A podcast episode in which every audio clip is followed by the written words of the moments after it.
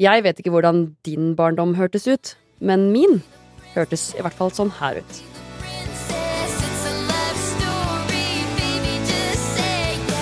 Det er bare noe med den banjo-klimpringa som bare er skikkelig nostalgisk for meg.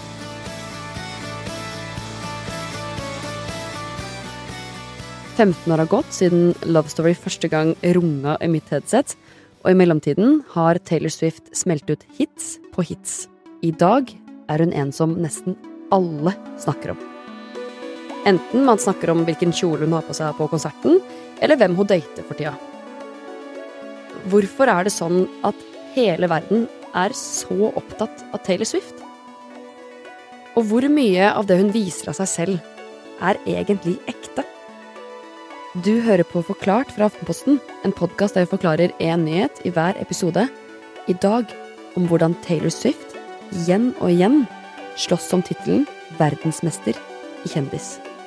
Jeg heter Jenny Førland, og i dag er det mandag 9. oktober. I denne episoden har vi med oss Poprådet-programleder og Swifty, Sanne Hansson Lier.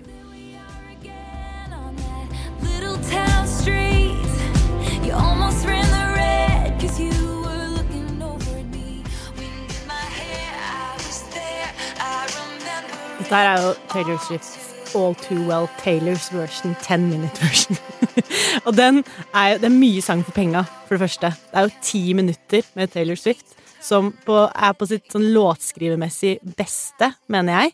Og så er den på en måte det som, eh, det som også Taylor Swift har blitt veldig kjent for. Det er en fryktelig god bridge i denne sangen her.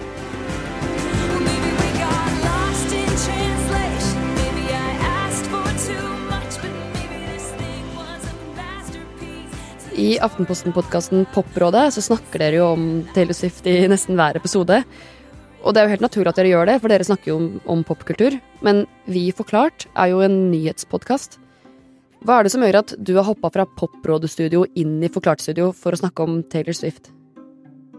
Det er vel fordi Taylor Swift som fenomen er umulig å komme seg unna.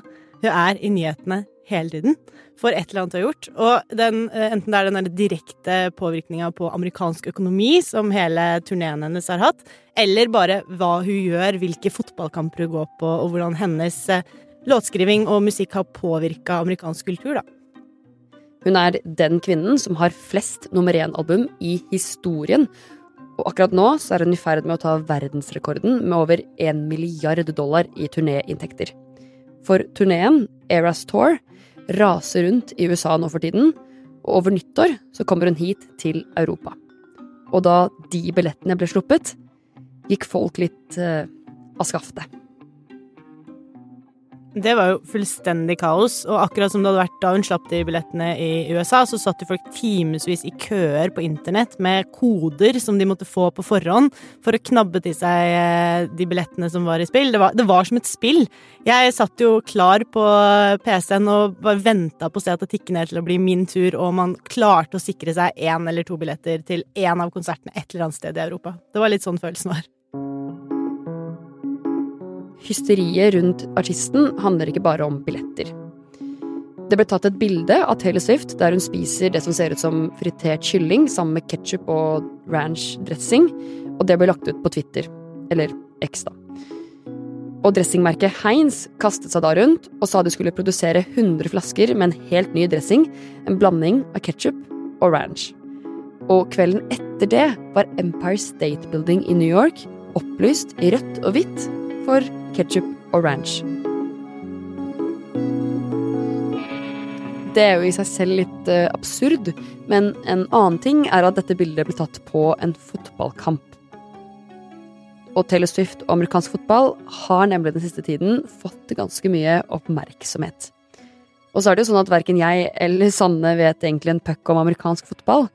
Men heldigvis så har Forklart-redaksjonen en som pleier å sitte oppe om natta for å få med seg sånn Superbowl og sånne ting. Hei, jeg heter David. Jeg jobber også her. Ja, ja og David Bukhani, du pleier jo ellers å være programleder her i Forklart, men akkurat nå så skal du forklare hva som er greia med Taylor Swift og NFL, som er amerikansk fotball sin versjon av Eliteserien. Det som eh, skjedde, var jo at eh, det plutselig begynte å svirre masse rykter om at eh, Taylor Swift og Travis Kelsey, en veldig stor stjerne på Kansas City Chiefs, eh, drev med liksom casually hangout, som eh, de fleste regna med betydde at de var på dealeren, da. Og, og plutselig så ble bare hele NFL transformert til en sånn Taylor Swift-liga, hvor alle kampene som gikk, så snakka de kommentatorene om sånn ja, ja, Travis Kelsey og Taylor Swift, ja, ja, og hadde en sånne Taylor Swift-ordspill og sangtitler inn i kommentarene sine og sånn. Etter at ryktene om Kelsey og Swift begynte, så har salget av draktene med hans navn på økt med 400% Og Fox Sports sier at veldig mange unge kvinner har begynt å se på amerikansk fotball. Og det er jo ikke helt utenkelig at mange av disse nye seerne følger med i håp om at kamera om det så bare er noen få sekunder, skal rettes mot VIP-området der Taylor Swift sitter. Men Sanne, hvorfor blir det sånn stemning rundt Taylor Swift? Hvorfor blir alt hun tar på, til gull? Det tror jeg det er flere grunner til. Eh, først og fremst så tror jeg ikke man kommer ikke unna at du er en utrolig god artist og en fantastisk god låtskriver. Og så tror jeg det er noe med den uh, mystikken. At du klarer å balansere det å være en veldig privat privatperson med å være en utrolig offentlig offentlig person. Uh, det, er, det er jeg kanskje best på i hele verden. Så en verdensmester i kjendis, da. Ja, det vil jeg si. Hele tiden så dropper hun små hint om seg selv og livet sitt som gjør at fansen får rom til å spekulere. Men hvor mye av det hun viser av seg selv, er ekte?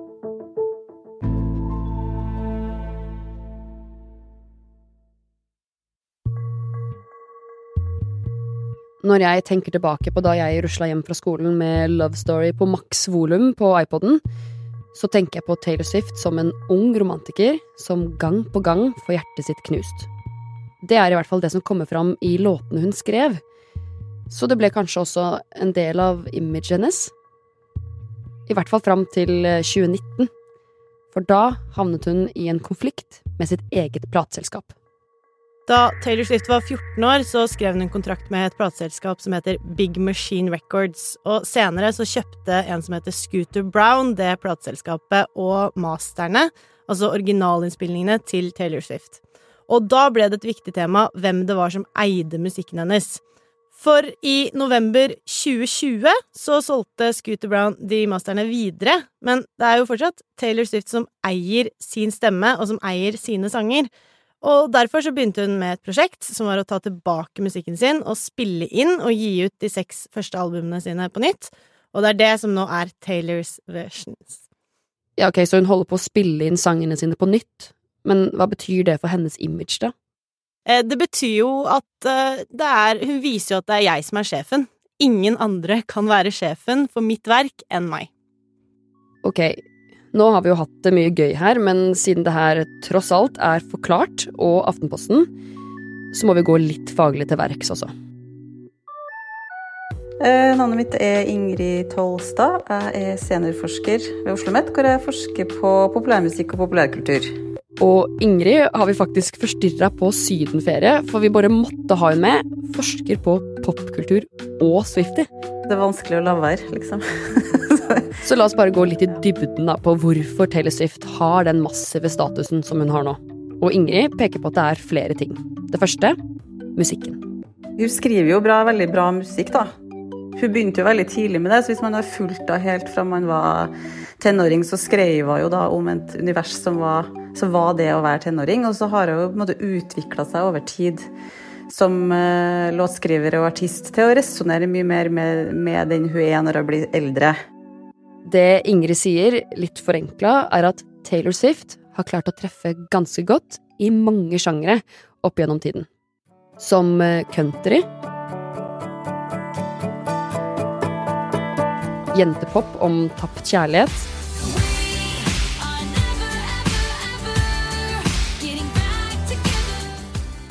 store stadion-anthems og hiphop. Og folk, eller cottagecore.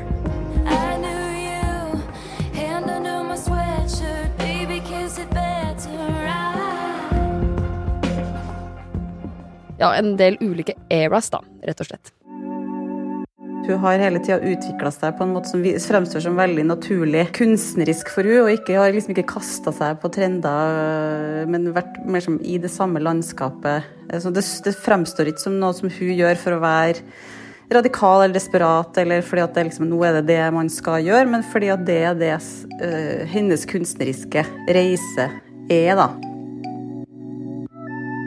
Men et gjennomgående tema for veldig mange av sangene hennes da, er jo kjærlighet og ganske sånn personlige ting. Hvorfor er det så viktig at hun synger om så personlige ting?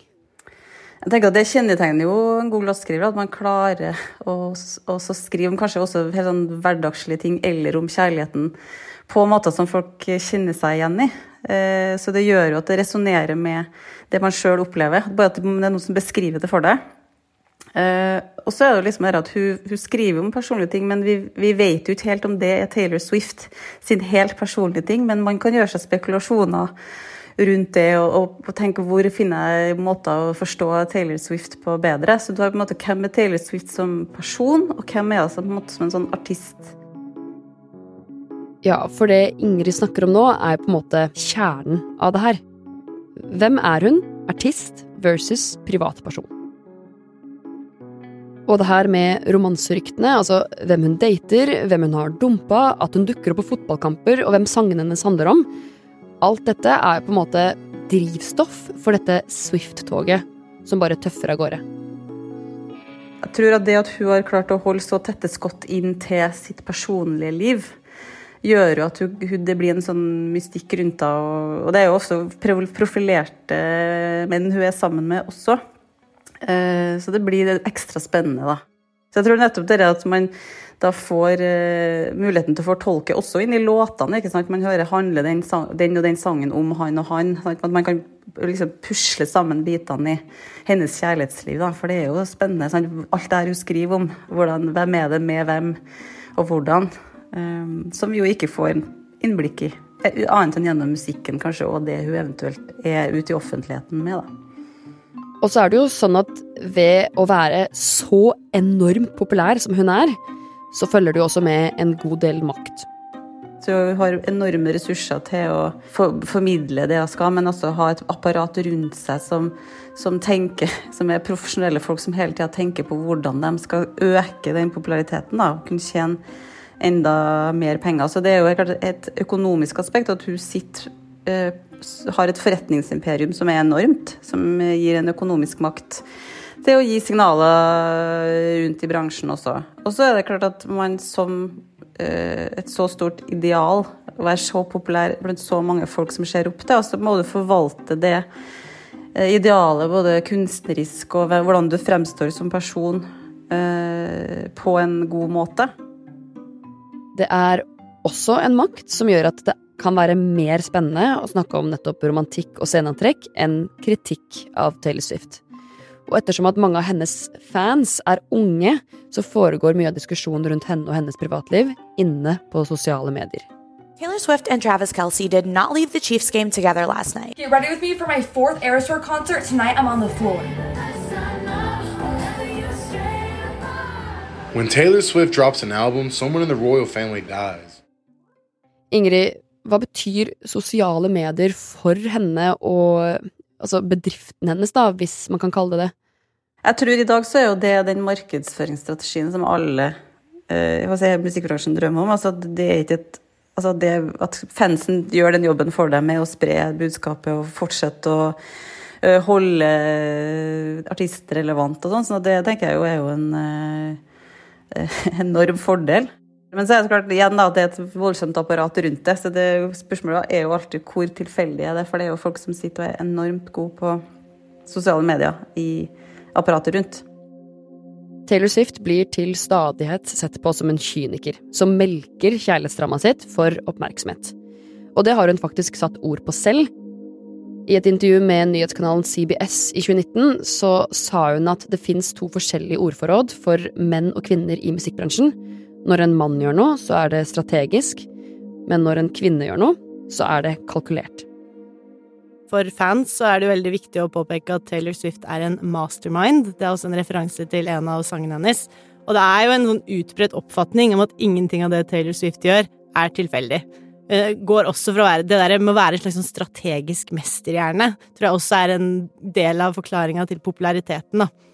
Eh, ja, så er spørsmålet er hun faktisk sammen med Travis Kelsey, for eksempel, eller er vi tilskuere til et ganske sånn orkestrert PR-stunt? Det er jo ikke godt å si, og det er også litt av den mystikken som gjør at eh, hele alt rundt Taylor Swift er litt ekstra spennende. Ja, den mystikken, det er jo noe hun gjør selv, og som hun vet at hun gjør, som hun er åpen om. Ja, eh, Taylor Swift spiller jo et slags spill med sine fans, hvor det handler om å legge inn såkalte easter eggs, altså små hint og tegn til hva som kan komme, i både sangene, i lanseringer av nye plater, i konsertene, i antrekkene. Og hun har sagt flere ganger til fansen også at det er, det er bare å lete etter påskeegg. Her, hvis dere begynner å leite, så vil dere finne masse. Og det er jo også en slags kalle det en slags gamification av å være fan. Det gjør det ekstra spennende, for det er alltid noe nytt å vente på deg og, og leite etter.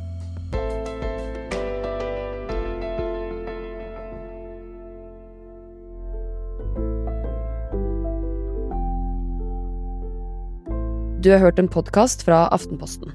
Det var Poprådet-programleder Sanne Hansson Lier og popkulturforsker Ingrid Tolstad som forklarte oss hvorfor Taylor Swift kanskje er verdensmester i å være kjendis. Denne episoden er laget av Swiftiene, Anders Weberg og meg, Jenny Førland. Olav Eggesvik og David Vekoni har også bidratt. Vi har også fått litt eh, researchhjelp av Aftenposten-journalist Roya Shahibzadeh. Og den enige Forklart som ikke var med å lage denne episoden, var Synne Søhol. Du har hørt lyd fra TikTok, Big Machines Records og Universal Music med Taylor Swift sine låter Love Story, All Too Well, We Are Never Getting Back Together, Endgame og Cardigan. Og gjerne følg oss på Spotify, så får du varsel hver gang vi publiserer en ny episode. Takk for at du hørte på. I en tidligere versjon av denne episoden sa vi at Big Machine Records var eid av Scooter Brown da de signerte Taylor Swift. Det riktige er at han kjøpte selskapet senere. Det har vi rettet nå.